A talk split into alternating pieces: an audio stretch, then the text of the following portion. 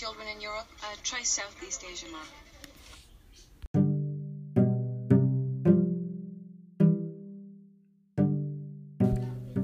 Dirty Dancing is a 1983 American romantic drama film directed by Adrian Lyne, starring Jennifer Beals as a young, passionate dancer who aspires to become professional ballerina alongside uh, her elder tutor and the owner of the uh, steel mill, which works by day in Pittsburgh, was the first collaboration of producers uh, Don Simpson and Jerry Bruckheimer, and the presentation of some sequences in the style of music videos was an influence on other 1980s films, including Footloose, Purple Rain, Top Guns, Simpson, and Bruckheimer most famous production. And today we're going to talk about Dirty Dancing, the impact it had on the 1980s and on my life.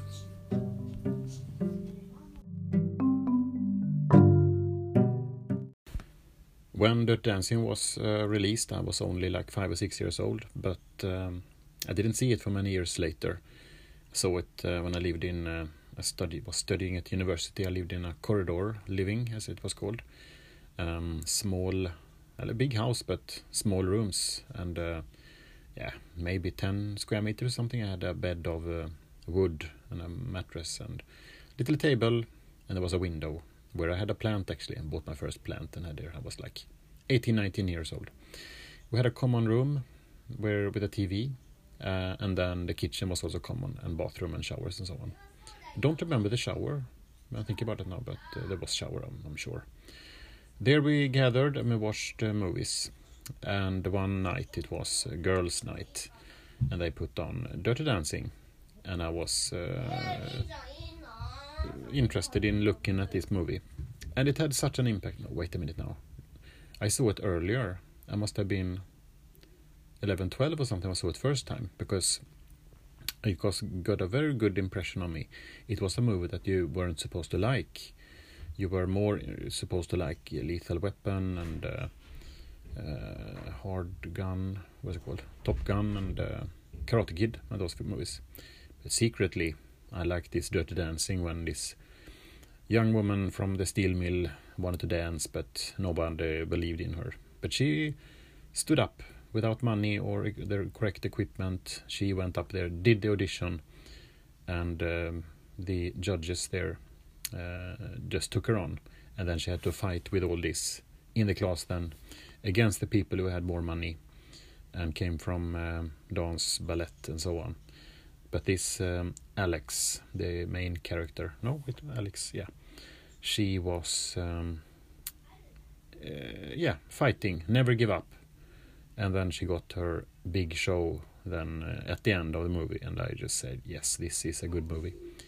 To myself, didn't say it loud, but I think this is common also when you grow up as a man that you are forced to put yourself in this uh, stereotype, manly stereotype, and you uh, cannot really stick out, so to say. You have to stick to your uh, stereotype.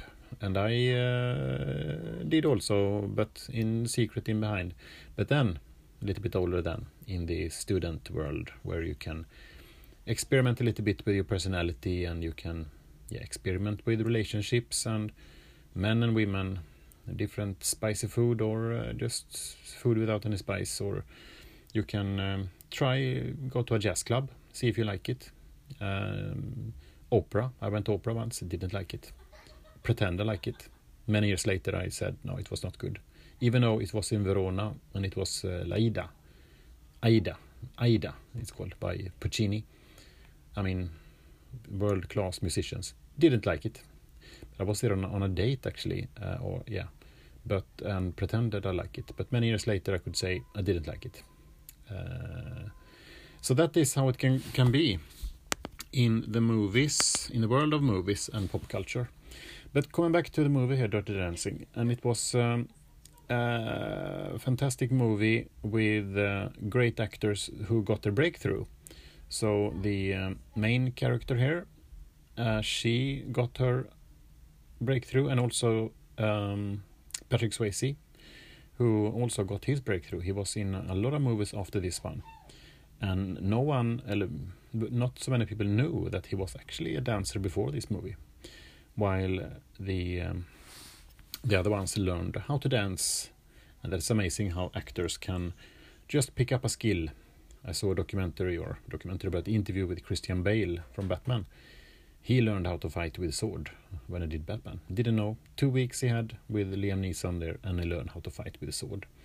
And I've, many people think uh, they pay they pay them too much money, but if you look at that interview, for example, with Christian Bale when he's fighting there on an ice hockey rink, then you see, okay, yeah, well, you get a lot of money, but it's very difficult. Imagining standing on an ice, ice with a sword, and you have Liam Neeson there because Liam Neeson, he knows how to fight. He was brought up there in Belfast on in the 80s and learned how to fight with sticks. So, with that, I would like to thank you for this episode and I wish you a very good night. Why not watch uh, Dirty Dancing? Goodbye.